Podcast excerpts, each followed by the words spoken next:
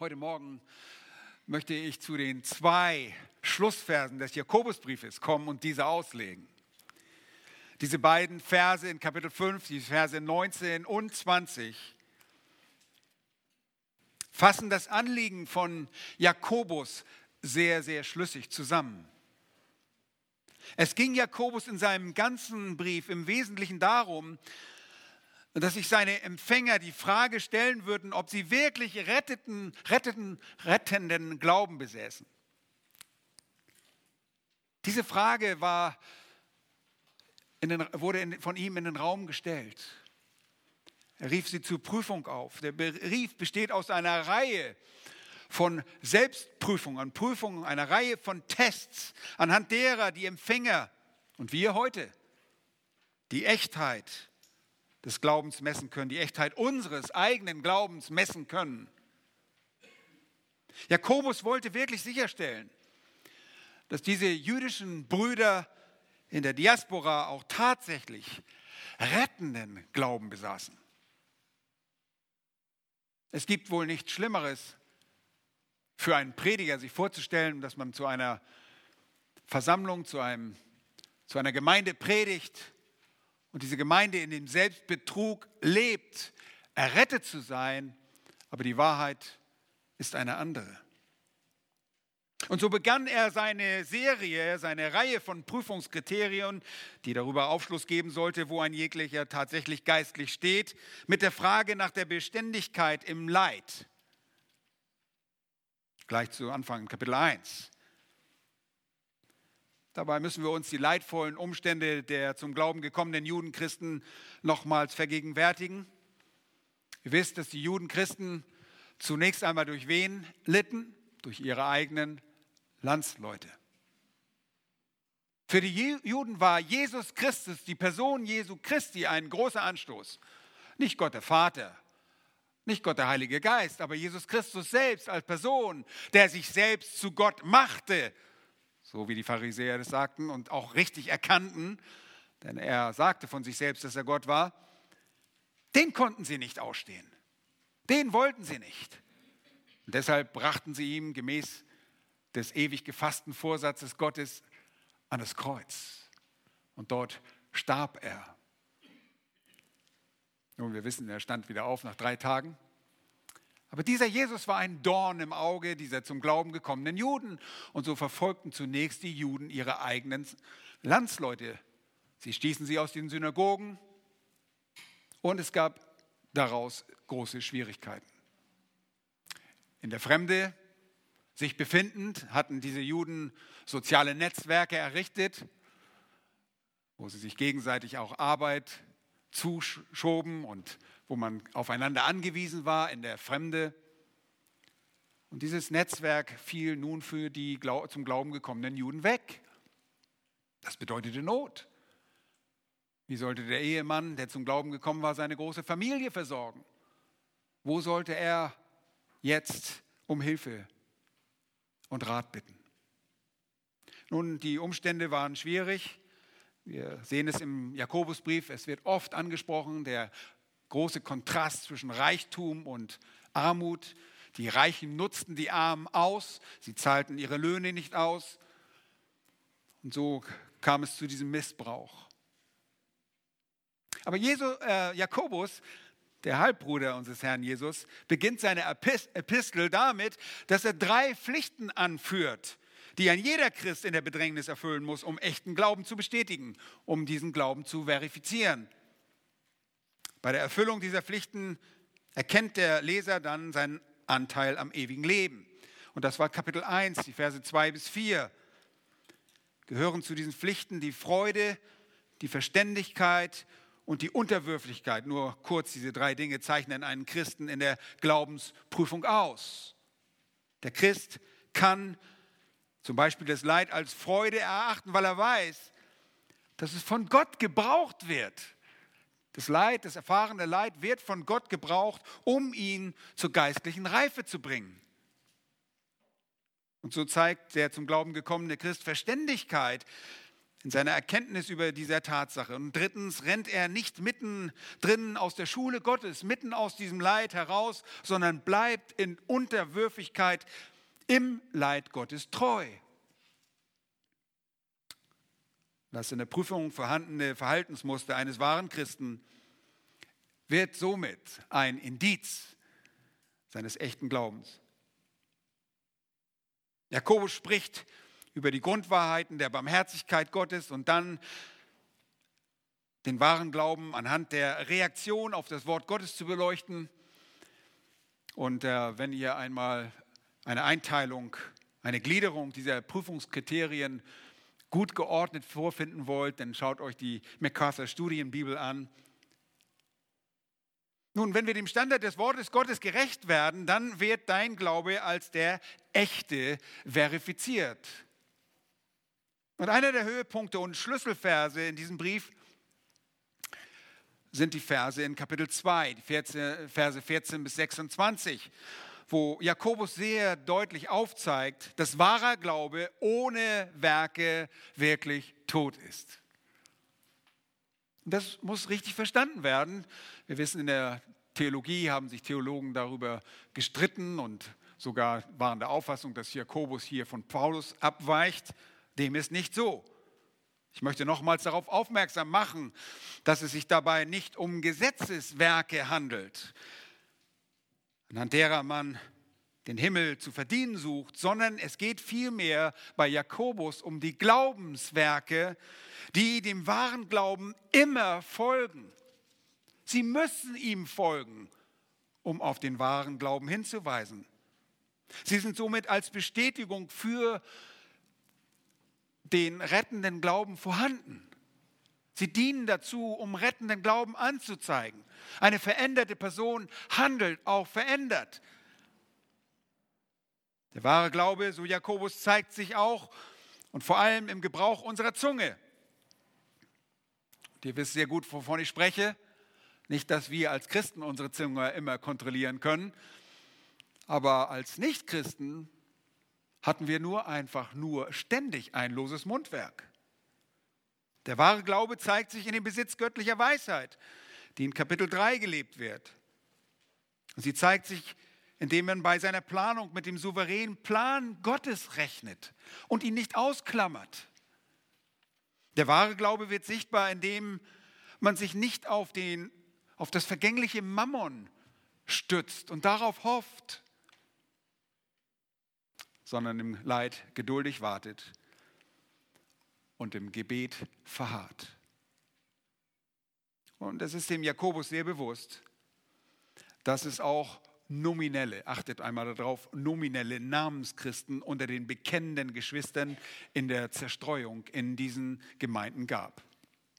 Das ist ihm sehr, sehr bewusst, so wie es eigentlich jedem Pastor, jedem Hirten bewusst sein muss, dass es in der Versammlung immer wieder Leute gibt, die nur Namenschristen sind, den Namen nach sich Christen nennen. Und deshalb spricht er harte Worte gegen sie, denn sie sind wirklich nicht Errettete, sie sind Sünder. Und in dem Wissen, dass es in den Kreisen der Synagogen, Versammlungen solche Menschen gab, die das Evangelium nicht verstanden, falsch verstanden oder gar missbrauchten, ist sein Brief, der gesamte Brief, auch evangelistisch ausgerichtet.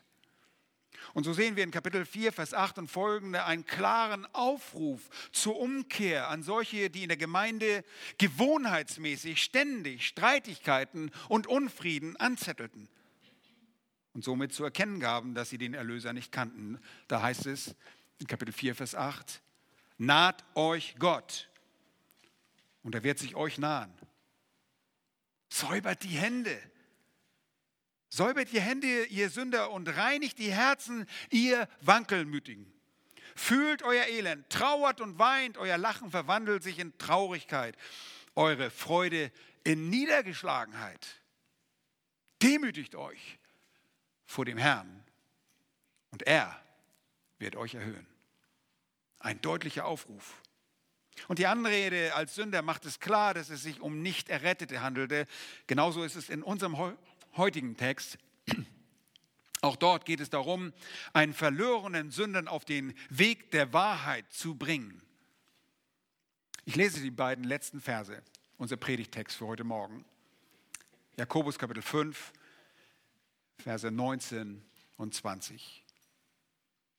Brüder, wenn jemand unter euch von der Wahrheit abirrt und es führt ihn einer zur Umkehr, so soll er wissen, wenn er einen Sünder von seinem Ehrweg zur Umkehr führt, der wird eine Seele vom Tod erretten und eine Menge Sünden zudecken. Die in diesem Text enthaltene implizierte Thematik und Herausforderung für uns heute Morgen ist, sei dem Abtrünnigen stets ein Wegweiser der Wahrheit, damit er gerettet wird. Sei dem Abtrünnigen stets ein Wegweiser der Wahrheit, damit er gerettet wird. Nun, als erstes wollen wir uns die Notwendigkeit ansehen, die in der Gemeinde besteht, dem Abtrünnigen einen Wegweiser der Wahrheit zu sehen. Und dazu schauen wir uns die erste Hälfte des Verses 19 an. Da heißt es, meine Brüder, wenn jemand unter euch von der Wahrheit abehrt und jemand ihn zurückführt. Und diese Anrede, meine Brüder, zeigt an, dass sich Jakobus an die Gläubigen der Synagogenversammlung wendet Wohl aber mit dem Bewusstsein, dass unter den Bekennenden sich auch solche befinden könnten und auch befinden. Und die grammatische Konstruktion zeigt eine sehr hohe Wahrscheinlichkeit an, dass dies der Fall ist. Dass es eben solche gibt, die an der Wahrheit vorbeigehen und herumirren, beziehungsweise von der Wahrheit abirren. Und das Wort abirr zusammen mit dem Wort zurückführt könnte folgendermaßen verstanden und interpretiert werden. Hier sind drei Optionen. Ich sage es nochmal. Die Worte abirren und zurückführen könnten auf dreierlei Weise verstanden werden. Erstens, es handelt sich bei dieser Person um einen wiedergeborenen Christen, der in Sünde gefallen ist, aber dabei seine Errettung nicht verloren hat. Zweite Option, es handelt sich dabei um einen Christen, der seine Errettung aufgrund eines Irrtums verloren hat. Drittens, es handelt sich dabei um einen Ungläubigen, der sich bisher wohl zum Christentum gehalten hat und verbal auch Christus bekennt, aber dennoch nie wirklich wiedergeboren wurde und deshalb Rettung braucht. Und die Ansicht 1, es handelte sich dabei um eine Person, um einen wiedergeborenen Christen, der in Sünde gefallen ist, aber seine Errettung nicht verloren hat, passt überhaupt nicht in den Schriftzusammenhang. Und hat auch andere Schwierigkeiten, die sich aus Vers 20, die sich dort in Vers 20 noch zeigen werden. Die zweite Ansicht, es handele sich dabei um einen Christen, der seine Errettung aufgrund eines Irrtums verloren hat, ihr Lieben, widerspricht eindeutig biblischer Lehre. Überhaupt ist die Lehre über die Verlierbarkeit des Heils unbiblisch. Es gibt zwar Stellen, die scheinbar darauf hinweisen, dass ein Christ wieder, wieder verloren gehen kann, aber wenn man genau hinsieht und biblische Zusammenhänge versteht, dann erkennen wir darin einen Trugschluss. Es ist einfach nicht wahr. Ein wiedergeborener Christ kann nicht verloren gehen. Die dritte Ansicht ist vielmehr die richtige. Es handelt sich dabei um einen Bekenner. Hier wird ein Christusbekenner angesprochen, der sich bisher zum Christentum gehalten hat und verbal auch immer wieder Christus bezeugt, aber dennoch nie wirklich wiedergeboren wurde und deshalb Rettung braucht. Nur so lässt sich das Erretten der Seele vom Tode in Vers 20 einfach vernünftig erklären. Und es gibt immer unter den Menschen in der Gemeinde Jesu solche, die sich dort aus gesellschaftlichen oder anderen religiösen Gründen gerne aufhalten. Es gibt Leute, die finden die Christen, oh, das sind ganz, ganz tolle Typen, ganz nett, und sie halten sich dort auf und sie bekennen sich zum Glauben, weil sie sich einfach in der Gesellschaft dieser Christen einigermaßen wohlfühlen. Äh, sind eigentlich ganz in Ordnung. Die haben zwar eine kleine Malle irgendwo, sonst wo, ja, eine kleine Macke, aber ah, im Großen und Ganzen sind die Christen ah, nicht schlecht. Sie haben sogar manchmal Spaß mit diesen Christen. Ja, die sind, eigentlich moralisch sind die auch ganz okay. Ja, die saufen sich nicht voll, da muss man nicht mit einem schweren Kopf am Montagmorgen wieder zur Arbeit gehen. Die helfen mir davon mit meinen Problemen. Ich glaube, ich werde auch mal Christ. Ich halte mich auch zu diesem Christsein. Macht ja eigentlich ganz viel Spaß. Also diese Menschen hören ständig den göttlichen Standard. Sie hören auch die Worte Gottes, vorausgesetzt, diese Worte Gottes werden auch gelehrt. Das ist ja heute auch nicht mehr so selbstverständlich, dass man in Gemeinden geht und auch das Wort Gottes hört. Deshalb öffnen wir die Bibel und wollen die Bibel lehren. Und diese Leute können auch fromm reden. Sie können sehr fromm reden. Und es hat den Augenstein, als gehörten sie sogar tatsächlich zum Leib Jesu Christi dazu. Mitunter haben sie sehr viel Bibelwissen. Diese Leute, diese bekennenden Christen, die aber nicht wirklich wiedergeboren sind, können eine Menge wissen. Irgendwann allerdings wird ihr geistlicher Zustand offenbar. Nun, das muss nicht mal auf dieser Seite der Ewigkeit passieren. Vielleicht wird es erst vor Gott offenbar. Aber oft wird es auch schon in diesem Leben offenbar. Sie ehren, denn ein nicht wiedergeborener Mensch kann sich auf Dauer nicht beherrschen und kann sich auf Dauer nicht disziplinieren. Er kann sich nicht kontrollieren. Okay? Wir als Christen haben schon oft Probleme, uns zu kontrollieren, oder? Und die Kraft des Geistes in Anspruch zu nehmen. Wir fallen auf die Nase, wir sündigen auch als Christen. Aber ein nicht wiedergeborener Mensch kann sich in keiner Weise kontrollieren. Er hat nicht die Kraft des Geistes auf seiner Seite, der ihm behilflich ist, sich selbst zu disziplinieren. Nun, nochmals, um gleich eine Warnung zu geben, diese gläubigen Menschen können wirklich ein wahnsinnig hohes Maß an biblischem Wissen haben. Sie können tolle Dinge sagen. Sie können sogar intellektuell davon überzeugt sein, dass die Bibel recht hat das gibt es auch. Aber sie haben letztlich keine Buße getan. Sie sind nicht umgekehrt. Sie haben ihre Sünden nie aufrichtig bekannt. Und eine vollständige, eine radikale Umkehr in ihrem Leben hat es nie gegeben. Sie hat nie stattgefunden. Nun, warum kommt das so häufig vor heutzutage? Weil wir heute in vielen Kreisen einfach nur ein verwässertes Evangelium hören. Es wird heute nicht mehr von Sünde geredet. Man darf ja gar nicht mehr von Sünde reden. Das ist ja nicht politisch korrekt. Und so kommt so ein verwässertes Evangelium zu verwässerten Namenschristen, die keine wirklichen Christen sind. Das verwässerte Evangelium, das von den Kanzeln unseres Landes verkündigt wird, trägt dazu bei, dass es einen Abfall vom Glauben gibt. Denn Menschen glauben, dass sie Christen sind, haben aber nicht die verändernde Kraft des Geistes in sich. Und irgendwann sagen sie, ach, irgendwie funktioniert das mit den Christen nicht. Ich gehe einen anderen Weg. Solch ein Mensch ist ein Verirrter und wird nicht selten zu einem Apostat. Ein Apostat ist ein vom Glauben abgefallener. Diese Menschen sind in solchen Fällen Abtrünnige. Und immer wieder kommt es vor, dass diese als Mitläufer in der Gemeinde auftreten. Wir haben einiges über Mitläufertum gehört, auch von Pascal. Nach außen und für uns Menschen sind sie anfangs gar nicht zu identifizieren oder nur ganz schwer als solche zu identifizieren. Mit der Zeit allerdings wird in den meisten Fällen ihr Mitlaufen und ihr Scheinchristsein offenbar. Nun, es handelt sich bei diesen Personen häufig, wie Matthäus 13 aufzeigt, um solche, bei denen das Wort auf das Steinige gesät worden ist. Erinnert ihr euch an den Seemann und den vierfachen Ackerboden? Da heißt es in Matthäus 13, die Verse 20 bis 21. Bei dem aber auf das Steinige gesät ist, das ist nämlich das Wort, das gesät wurde, dieser ist es, der das Wort hört und sogleich mit Freuden aufnimmt. Was ist die Reaktion? Halleluja, ich bin dabei. Aber, Vers 21, er hat aber keine Wurzel in sich, sondern ist nur ein Mensch des Augenblicks. Und wenn Bedrängnis entsteht oder Verfolgung um des Wortes willen, nimmt er sogleich Anstoß.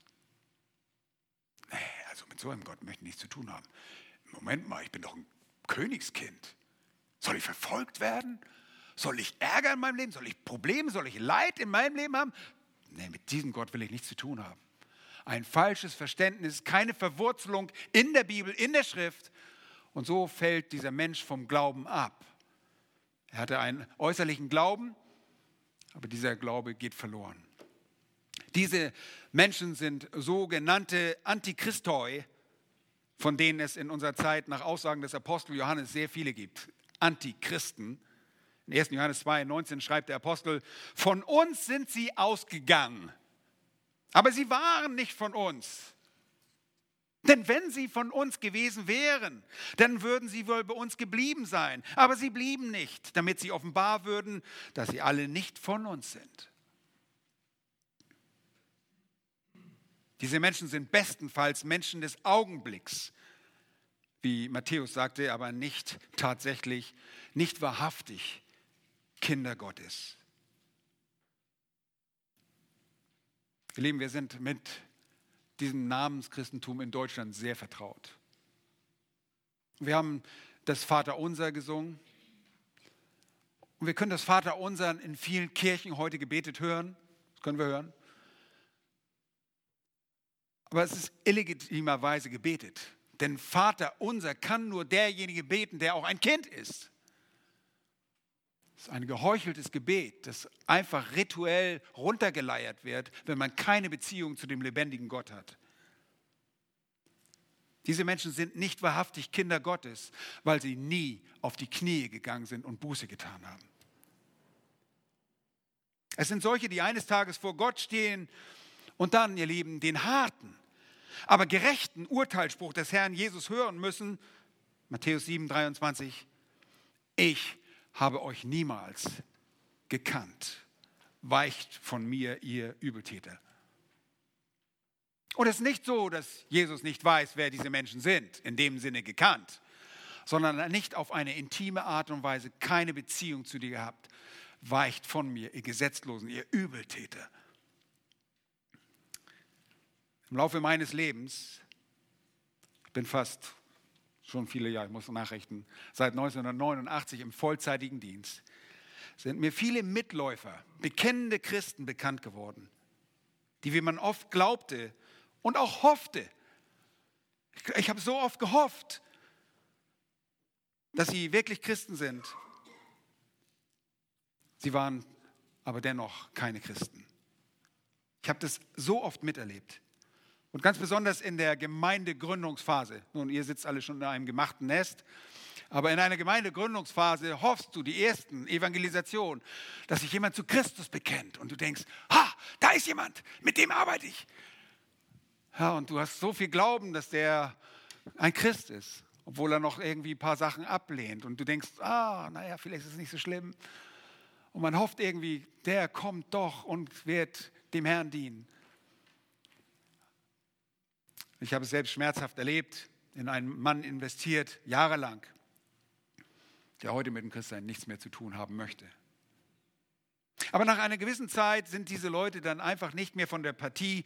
Sie mögen heute noch voll Kenntnis der Schrift sein, sie mögen gute Bibelkenntnis besitzen, aber sie haben, wie schon gesagt, nie die Knie vor dem lebendigen Gott gebeugt. Sie haben sich nie vor der Wahrheit in Person gebeugt. Es gab in ihm Leben nie eine tatsächliche Umkehr, einen innerlichen Zerbruch über die eigene Sündhaftigkeit. Lieben, wer zum Glauben kommt, der muss erkennen, dass er ein Sünder ist. Er muss darüber zerbrechen. Und erst dann kann man die gute Nachricht verstehen. Denn Gott kann nur Sündern vergeben. Die Früchte eines veränderten Lebens waren bei solchen Menschen nie verändert, nie vorhanden. Nun, sie können täuschend ähnlich sein. Und auch ein nicht veränderter Mensch kann sich anstrengen, aus dem Fleisch heraus eigene Dinge hervorzubringen. Aber letztlich sind sie nur auf sich selbst gerichtet nicht auf den lebendigen Gott.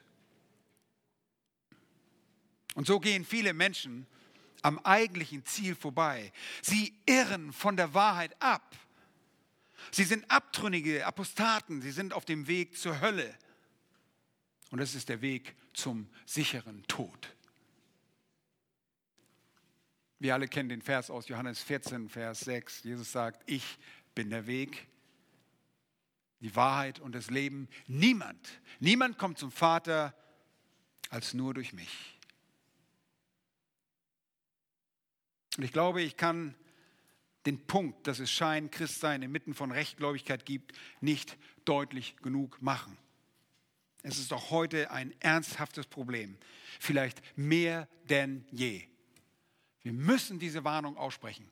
Ich glaube, früher habe ich vielleicht nie so deutlich Leute angesprochen in Bezug auf das Evangelium. Vielleicht war ich eher bereit, irgendwelche Kompromisse zu machen. Heute weiß ich, ich selber werde zur Verantwortung gezogen. Zum einen hast du das Evangelium wirklich komplett und vollständig weitergegeben. Und zum anderen, wenn ich es nicht getan habe, was produzierst du? Was produziert das Wort Gottes? Kann es was produzieren durch eine halbe Wahrheit? Nein. Es braucht die ganze Wahrheit.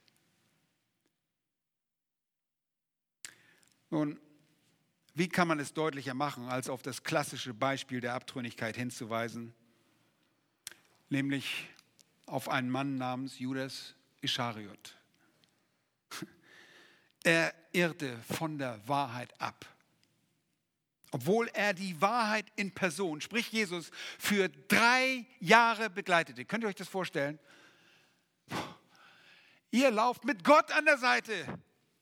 Das ist unglaublich.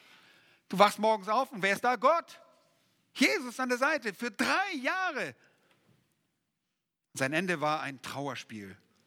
Judas Ischariot an seinem Lebensende begleitet von viel Erkenntnis, aber all das hat ihm nichts genützt. Und wir lesen Matthäus 27, die Verse 3 bis 5. Als nun Judas, der ihn, das ist natürlich Jesus, überliefert hatte, sah, dass er verurteilt wurde, reute es ihn und er brachte die 30 Silberlinge den hohen Priestern und den Ältesten zurück und sagte, ich habe gesündigt, denn ich habe schuldloses Blut überliefert. Sie aber sagten, was geht das uns an? Sieh du zu. Und er warf die Silberlinge in den Tempel, machte sich davon und ging hin und er hängte sich. Er hasste die Konsequenzen seiner Lüge, seines Verrats, aber tat keine wirkliche Buße. Man könnte meinen, oh, er ist hier reumütig geworden und er tut Buße. Nein, er geht nicht zu Jesus und bittet ihm Vergebung. Er mochte nur nicht, was er da getan hat. Es tat ihm um seiner Selbstwillen leid. Der hängt sich. Und weil sich die Zustände und das Wesen der Menschen im Laufe der Geschichte nicht geändert hat, wissen wir, dass es auch heute in der Gemeinde viele Menschen gibt, die nicht Jesus als Herrn und Heiland in, in ihrem Leben regieren lassen wollen. Jesus spricht das in der Bergpredigt so deutlich an. Und ihr werdet sicherlich schon langsam, kommt es aus den Ohren wieder raus. Nicht jeder, wird, der zu mir Herr, Herr, wird in das Reich der Himmel eingehen, sondern derjenige, der den Willen meines Vaters tut.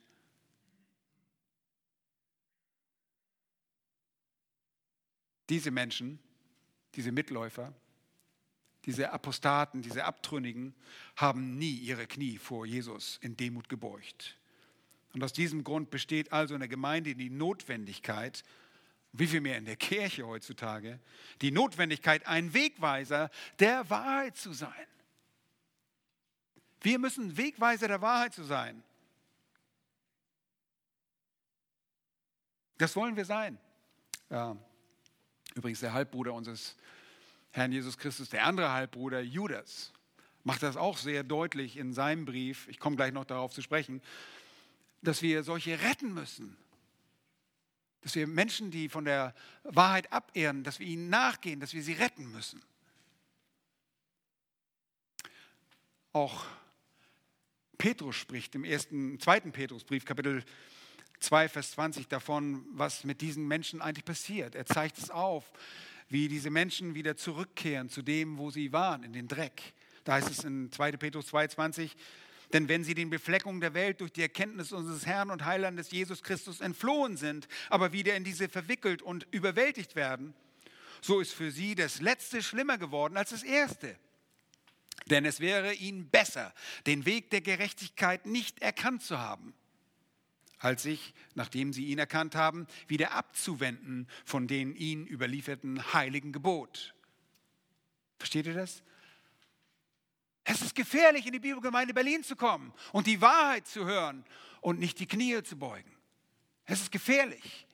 Und er sagt, es ist besser, den Weg der Gerechtigkeit nicht erkannt zu haben, als sich, nachdem sie ihn erkannt haben, wieder abzuwenden von dem ihnen überlieferten heiligen Gebot. Und dann heißt es, es ist ihn aber dem wahren Sprichwort ergangen, es ist ihn aber nach dem wahren Sprichwort ergangen, der Hund kehrt wieder um zu seinem eigenen Gespei und die gewaschene Sau zum Wälzen im Kot. Sie tun wesensmäßig, was ihnen gefällt, was ihrem Wesen entspricht. Es gab keine Wesensveränderung. Sie gehen zurück zu dem, was sie sind. Nun, Paulus war stets ein Wegweiser der Wahrheit und er warte sehr, sehr viel. Und er tut dies auch, wenn er nicht die Gelegenheit hatte, die Gemeinde von Angesicht zu Angesicht zu sehen. Wir wissen das aus dem Korintherbrief, dass er die Korinther auffordert. Und ihr wisst dass wir tun das auch. In 2. Korinther 13, Vers 5 und beim Mahl des Herrn werden wir immer wieder aufgerufen, uns selbst zu prüfen. 2. Korinther 13, Vers 5 heißt es, prüft euch, ob ihr im Glauben seid. Untersucht euch. Und wenn an deinem Auto irgendwas klötert oder klingelt, dann stellt ihr eine große Untersuchung an. Dann geht ihr dabei und geht nach dem Ausschlussverfahren vor, setzt einen nach hinten und sagt, klingelt es rechts oder klingelt es rechts. So müssen meine Kinder das immer machen. Er sagt, wo hörst du was? Ja, großes, wir untersuchen das. Kriege ich das nicht hin? Bringen wir es in die Werkstatt. Bitte untersuchen Sie mein Auto, da kommen komische Geräusche. Wenn dein Leben nicht dem konform geht mit dem, was Gott sagt, prüfe dich, untersuche dein Leben. Geh auf diese Selbstprüfung ein. Heute beim Mahl des Herrn, 1. Korinther 11, 28, ein jeder prüfe sich selbst und so esse er von dem Brot und trinke von dem Kelch. Ihr Lieben, ein Christ, hört gut zu, ein Christ wird niemals Anstoß nehmen, wenn er zur Selbstprüfung von jemand anderen aufgerufen wird. Er mag wohl darüber bestürzt sein oder betrübt sein, dass er jemanden Anlass gegeben hat, ihn so herauszufordern, weil jemand anders von dir denkt, vielleicht bin ich gar kein Christ. Aber letztlich wird er sich dankbar im Gebet vor Gott prüfen. Wir tun das. Wir erkennen also die Notwendigkeit in der Gemeinde, in der Gemeinde selbst, Sie besteht, diese Notwendigkeit, dem Abtrünnigen ein Wegweiser der Wahrheit zu sein. Jemand, der sich entfernt und langsam von der Wahrheit immer weiter weggeht und vielleicht nicht mehr kommt und auf einmal sagt, ach, ich, naja, ich war ja bei euch, ich habe es nicht, es bringt einfach nichts bei euch Christen. Einfach sicherzustellen, verstehen wir das Evangelium? Habe ich meine Knie gebeugt? Ist mein Leben verändert? Und der Text zeigt uns, dass es eine umfassende Herausforderung gibt, die allen Christen gilt. Und zwar als Wegweiser der Wahrheit zu wirken. Schaut noch einmal in den Text. Meine Brüder, wenn jemand unter euch, also in der Gemeinde, von der Wahrheit abirrt und jemand ihn zurückführt, das ist die Eberfelder, so wisse er, dass der, welcher einen Sünden von der Verehrung seines Weges zurückführt, dessen Seele vom Tode erretten und eine Menge von Sünden bedecken wird. Nun, hier sehen wir die universelle Herausforderung aller Gläubigen, ein Wegweiser der Wahrheit zu sein. Ich mache euch das deutlich. Der Text spricht davon, dass jemand abehren kann. Und dann gibt es da ein zweites jemand. Dass derjenige, das ist derjenige, der diesen Verirrten zurückführt. Bei diesem zweiten jemand handelt es sich um ein unbestimmtes Fürwort. Hier ist es nicht etwa eine bestimmte Gruppe, die angesprochen wird, etwa die Leiter oder Diener der Gemeinde, die Ältesten oder Diakone. Die werden nicht nur ausschließlich angesprochen, sondern jeder ist für diese Aufgabe in der Gemeinde berufen, ein Wegweiser der Wahrheit zu sein. Galater 6 sehen wir diese Verantwortung sehr deutlich. dass wir Verantwortung als Geschwister füreinander haben. Galater 6, Verse 1 und 2 lesen wir, Brüder, wenn auch ein Mensch von einem Fehltritt übereilt wird, so bringt ihr, die ihr Geistlichen, die Geistlichen einen solchen im Geist der Sanftmut wieder zurecht. Und dabei gib auf dich selbst Acht, dass nicht auch du versucht wirst. Einer trage des anderen Lasten und so werdet ihr des Christi, des Christus erfüllen. Nun, ganz praktisch wenn du oder ich, mein Bruder oder meine Schwester in die Irren, Irre gehen oder sündigen sehe, dann ist es deine oder meine Pflicht, diesen Bruder oder diese Schwester in Sanftmut wieder zurechtzubringen. Das ist unsere Aufgabe.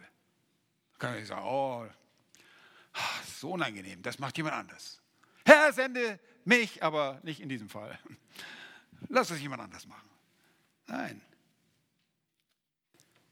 beim wahren Bruder, auf den wir zugehen, um ihn zu korrigieren, und einer wahren Schwester, gelingt diese korrektive Seelsorge. Wenn ich sage, ah, lass mich in Ruhe, ich will nichts damit zu tun haben. Das ist nicht deine Sache, das geht dir nichts an. Nein, das geht uns was an. Wir sind Brüder und Schwestern, wir sind eine Familie.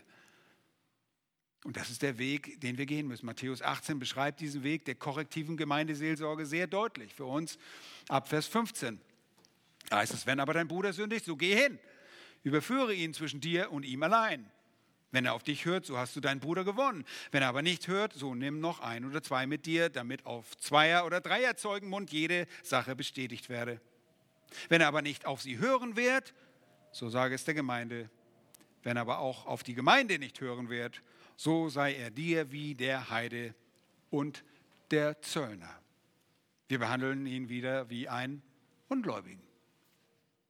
Und Vers 17 macht deutlich, dass das Ergebnis der korrektiven Gemeindeseelsorge nicht immer angenehm und nicht immer positiv verläuft. Wenn er aber nicht auf sie hören wird, heißt es dort. So sage es der Gemeinde. Wenn er aber auch auf die Gemeinde nicht hören wird, so sei er dir wie ein Heide und der Zöllner. Und im Falle von Vers 17 führt diese Unbußfertigkeit der sündigen Person zu einem Gemeindeausschluss weil wir davon ausgehen müssen, dass die Person nicht gläubig ist. Weil der Geist Gottes gebraucht Menschen in unserem Leben, um uns wieder auf den richtigen Pfad zu bringen. Wenn wir uns dem nicht beugen, ist es nur ein Beweis dafür, dass wir Gott nicht kennen. Und in diesem Fall haben wir in den allermeisten Situationen einen Abtrünnigen, wenn das so stattfindet, der aus der Gemeinde entfernt werden muss. Es handelt sich in solchen Fällen dann um reine Namenschristen. Und die mögen sich weiter als Christen bezeichnen. Und vielleicht sagen sie, okay, wenn ich bei euch nicht kommen darf, gehe ich woanders hin. Ich meine, solche Leute müssen nicht aus der Gemeinde fernbleiben. Manchmal identifizieren wir einfach nur, dass Leute Christus nicht erkannt haben. Irgendwas nicht richtig verstanden haben. Nicht jeder ist ein spaltender äh, Mensch, der eine Gemeinde spalten will. Den Leuten geben wir Hausverbot. Anderen Menschen sagen wir, hey, du bist einfach nur nicht Teil unserer Gemeinde. Du kannst weiterhin kommen, aber du bist nicht Teil der Gemeinde. Du bist kein Christ. Nun, wir haben in diesen Fällen Abtrünnige. Und es sind Namenschristen, die dann vielleicht in eine andere Gemeinde gehen und eine andere Gemeinde sagt, Halleluja, wir haben ein neues Gemeindemitglied. Gerade ausgeschlossen woanders, gehen sie woanders hin und versuchen ihr neues Glück. Nun, wir wissen aber nicht gleich, wo diese Menschen stehen und deshalb gibt es einen Prozess, diesen Gemeindezuchtprozess oder korrektive äh, Gemeindeseelsorge ist ein Prozess. Jemand, der sich als Bekenner ausgibt, aber dauerhaft nicht mit dem Wort Gottes im Einklang lebt, sondern in Sünde lebt, gibt zu erkennen, dass er nicht gläubig ist. So einfach ist das. Und in der Praxis ist es nicht immer ganz so einfach, aber das ist die Wahrheit, das lehrt die Schrift. Und er verunreinigt den Leib Christi und wird die Gemeinde durchsäuern. Um es mit dem Bild des Sauerteiches zu sagen, wenn er nicht aus ihr entfernt wird. Ein Sauerteig, eine ganze Tonne Sauerteig wird durchsäuert, wenn nur ein Gramm Sauerteig in dieser Tonne ist. Das ist nur eine Frage der Zeit. Das durchsäuert alles. Nun, wenn du in solchen Fällen als demütiger Zurechtbringer wirkst, dann kannst du zum Wegweiser der Wahrheit für unerrettete Menschen werden. Und das sollen wir alle sein. Wir sollen dieser Wegweiser sein. Es kann auch manchmal sein, dass wir Leute zu schnell aufgenommen haben und gedacht haben, besten Glaubens, wir haben Christen, wir haben ein neues Mitglied, aber das Mitglied stellt sich raus, dass er kein Christ ist. Gibt es alles. Judas, habe ich vorhin erwähnt, der andere Halbbruder unseres Herrn Jesus Christus, zeigt uns, was wir in einer solchen Situation tun sollen. Judas könnt ihr aufschlagen, dieses diese kleine, kurze Epistel, ein Kapitel, wir sagen noch nicht mal das Kapitel, sondern wir sagen nur noch Vers, Judas Vers 20 und 21 und dann die Verse 22 und 23, da heißt es, ihr aber Geliebte, erbaut euch auf euren heiligsten Glauben und Judas spricht von den Apostaten, von Abtrünnigen, von falschen Lehrern. Und dann sagt er, ihr aber erbaut euch im heiligsten Glauben, betet im Heiligen Geist, erhaltet euch in der Liebe Gottes, indem ihr die Barmherzigkeit unseres Herrn Jesus Christus erwartet zum ewigen Leben. Achtet jetzt mal auf Vers 22 und Vers 23. Und da sagt er, und der einen, die zweifeln, erbarmt euch Rettet sie, indem ihr sie aus dem Feuer reißt. Der anderen aber erbarmt euch mit Furcht, indem ihr sogar das vom Fleisch befleckte Kleid hasst. Okay? Je nach, äh, da gibt es eine gewisse Textvariante. Äh, es gibt entweder zwei oder drei Gruppen, die hier erwähnt werden. Aber es gibt aufrichtige Zweifler und wir sollen uns dieser aufrichtigen Zweifler einfach erbarmen und ihnen helfen und Wegweiser der Wahrheit sein. Und dann gibt es solche, die schon tiefer im Unglauben stecken. Und dann gibt es, äh, nach, je nach Variante, eine andere Gruppe, die schon erklärte Jünger der Abtrünnigkeit sind. So heißt es in der Fußnote der Studienbibel. Sie sind schon sehr tief, sehr weit weg von der Wahrheit.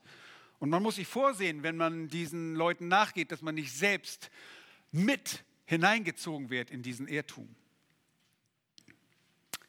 Aber es gilt die Herausforderung für uns, Barmherzigkeit zu erweisen und Menschen, die zweifeln oder die vielleicht vom Glauben wegdriften, ihnen nachzugehen und ihnen das Evangelium zu bringen. Es ist also eine allgemeine Herausforderung für alle Gläubigen, ein Wegweiser der Wahrheit zu sein. Und wenn wir das sind, das sehen wir dann sehen wir manchmal, und das ist Punkt 3 auf eurem Zettel, das lohnende Resultat. Drittens, das lohnende Resultat, dem Abtrünnigen ein Wegweiser der Wahrheit zu sein. Das ist Vers 20. In der zweiten Hälfte vor allem. So wisse oder so wisst, dass der, welcher einen Sünder von der Verehrung seines Weges zurückführt, dessen Seele vom Tode erretten und eine Menge von Sünden bedecken wird. Was genau sagt dieser Vers? Erstens, es kommt zur Beendigung der Verehrung. Sprich, es kommt zur Wiedergeburt, einer tatsächlichen Wiedergeburt, vom Namenschristentum zu einem wirklichen Christum. Zweitens, die Seele dieser gewonnenen Person wird vom Tode errettet und das bedeutet Hölle. Drittens, eine Menge von Sünden werden bedeckt. Das ist Vergebung. Aber lass uns das kurz im Detail ansehen. Die Beendigung der Verehrung bedeutet, dass dich Gott gebraucht hat, um für jemanden als ein Wegweiser der Wahrheit zu dienen. Und die entsprechende Person kommt zum Glauben und betritt damit den Weg der Wahrheit und der Erkenntnis. Und deshalb umschreibt die Schrift auch, dass zum Glauben kommen auch mit zur Erkenntnis der Wahrheit kommen. Das Herumehren, das Herumtappen in der Dunkelheit ist damit vorbei. Mit dem Heil erhält der Sünder Erkenntnis und bei rechter Belehrung die Gewissheit seines Heils. Es gibt nichts Schöneres, als zu wissen, dass wir Kinder Gottes sind dass wir das ewige Heil haben. Was kann uns noch passieren? Und das ist Grund zur großen Freude und das nicht nur auf Erden, sondern in Lukas 15, Vers 7 heißt es, so wird Freude im Himmel sein über einen Sünder, der Buße tut, mehr als über 99 Gerechte, die die Buße nicht nötig haben. Über einen Sünder ist Party im Himmel angesagt. Zweitens wird dann die Seele vom Tode errettet. Und das ist nicht nur der physische Tod, sondern es ist der geistliche Tod. Und der geistliche Tod wird im Neuen Testament elfmal angesprochen. Es bedeutet für den Sünder und den Gottlosen das ewige Getrenntsein von Gott. Tod ist nicht nur einfache Annihilation oder Auslöschung, nicht existieren eines Menschen, du stirbst und wirst wieder zur Asche oder zur Erde. Nein, nein. Das reden sich viele ein. Das ist die größte Lüge des Teufels. Ah, du wirst tot und dann bist du halt wieder. Dann kann man auf dir einen Blumentopf oder eine Blume pflanzen. Nein. Geistlicher Tod heißt, der Mensch ist getrennt von Gott in Ewigkeit. Und die Bibel beschreibt den Endzustand dieser Trennung auch als den zweiten Tod. Nochmals, dieser Tod ist nicht einfach nur eine Auslöschung deines Lebens. Nein, hört einmal auf Offenbarung 20, Vers 6. Da heißt es glückselig und heilig. Wer Teil hat an der ersten Auferstehung, über diese hat der zweite Tod keine Macht, sondern sie werden Priester Gottes und des Christus sein und mit ihm herrschen die tausend Jahre. Und dann in Vers 14, und der Tod und der Hades wurden in den Feuersee geworfen. Dies ist der zweite Tod, der Feuersee. Dann heißt es in Offenbarung 21, Vers 8, aber den Feigen und den Ungläubigen und mit Gräueln befleckten und Mördern und Unzüchtigen und Zauberern und Götzendienern und allen Lügnern ist ihr Teil in dem See, der mit Feuer und Schwefel brennt. Das ist der zweite Tod. Das ist der ewige, die ewige Verdammnis, das ist die Hölle. In der Offenbarung Kapitel 14, Vers 11 wird gesagt, und der Rauch ihrer Qual steigt auf von Ewigkeit zu Ewigkeit. Das ist keine Auslöschung, das ist nicht aufhören zu existieren. Der zweite Tod, der ewige Tod ist ein ewiges Getrenntsein von Gott in ewige Qual. Und da heißt es Markus 9, 48, das ist der Ort, wo ihr Wurm nicht stirbt und das Feuer nicht erlischt. Was für eine Pein. Der Apostel Johannes schreibt in seinem Evangelium von solchen, die diesem Tod entgangen sind. In Kapitel 5, Vers 24, wahrlich, wahrlich sagt er, ich sage euch, wer mein Wort hört und glaubt dem, der mich gesandt hat, das ist natürlich Jesus selbst, der hier spricht, der hat ewiges Leben und kommt nicht ins Gericht, sondern er ist aus dem Tod in das Leben übergegangen.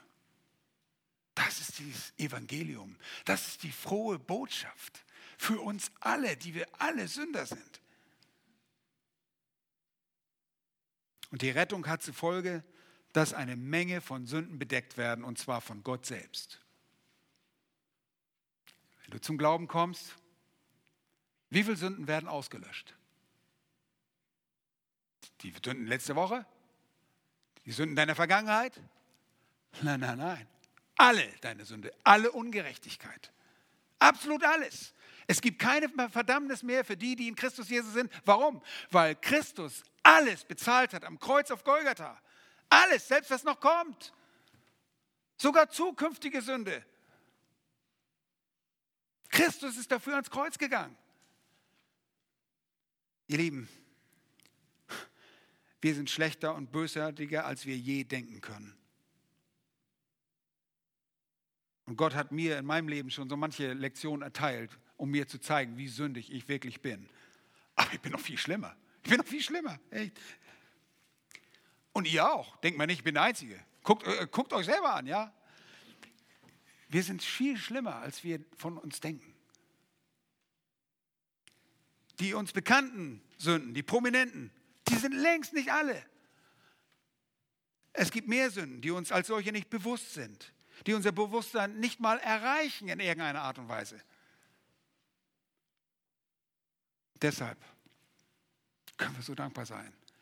Diese Sünden werden völlig bedeckt, sie sind völlig weg, werden weggenommen, sie werden ausgelöscht, sie sind völlig bezahlt. Oh, ich möchte niemals den Film meines Lebens mit euch zusammen sehen. Und sagen, ah, jetzt werden Borchmanns Sünden noch einmal abgespult. Oh, ich würde mich ergeben, wenn ich das müsste. Es ist weg. Christus hat dafür bezahlt. Und das ist so wunderbar. Wenn ihr jemanden zum Glauben bringt, dann bedenkt ihr eine Menge Sünden. Die sind alle weg, sind alle bezahlt. David drückt es im Alten Testament deshalb so aus. Im Psalm 32, die Verse 1 und 2. Glückselig der, dem Übertretung vergeben, dem Sünde zugedeckt ist. Glückselig der Mensch, dem Jahwe die Schuld nicht zurechnet und in dessen Geist kein Trug ist. Mit dieser Vergebung kommt eine Wesensänderung, dass wir das Gute lieben werden und das Böse hassen. Zwar nicht so sehr, wie wir das sollten, wir sind immer noch in diesem Prozess. Gott arbeitet immer noch an uns und er merzt die Sünde mehr und mehr in unserem Leben aus, aber sie sind zugedeckt, sie sind vergeben. In Hebräer 10, Vers 4 lesen wir, denn unmöglich kann das Blut von Stieren und Böcken Sünden hinwegnehmen. Die Vergebung hat im Neuen Testament eine neue Qualität durch das Opfer unseres Herrn Jesus Christus. Mit der Vergebung der Sünde durch Jesus Christus bekommt die Befreiung auch von einem schlechten Gewissen. Die gab es im Alten Testament nicht. In ihm heißt es dort, hat Gott zum, ihn hat Gott zum Sündopfer bestimmt, das wirksam wird durch den Glauben an sein Blut, um seine Gerechtigkeit zu erweisen, weil er die Sünden ungestraft ließ, die zuvor geschehen waren. Als Gott Zurückhaltung übte, um seine Gerechtigkeit in der jetzigen Zeit zu erweisen, damit er selbst gerecht sei und zugleich den rechtfertige, der aus dem Glauben an Jesus ist. Römer 3, 25 bis 26. Wie wunderbar das ist. Willst du ein Wegweiser der Wahrheit sein? Dann fang heute damit an. Kennst du die Wahrheit? Kennst du die Person, die personifizierte Wahrheit, den Herrn Jesus Christus? Wenn nicht, beuge deine Knie, ruf ihn an. Bitte ihn um Gnade. Er hat einen Anspruch auf dein Leben. Lass dich versöhnen mit Gott. Amen. Herr, wir sind dir so dankbar dafür, dass dein Evangelium noch erschallt, dass dieses helle Licht des Evangeliums erstrahlen darf in eine dunkle Welt. In unsere dunkle Herzen hast du es strahlen lassen und wir durften es erkennen. Herr, und das bitte ich, dass du dieses helle Licht des Evangeliums aufleuchten lässt für jeden von uns. Dass niemand hier weggeht, ohne dich zu kennen.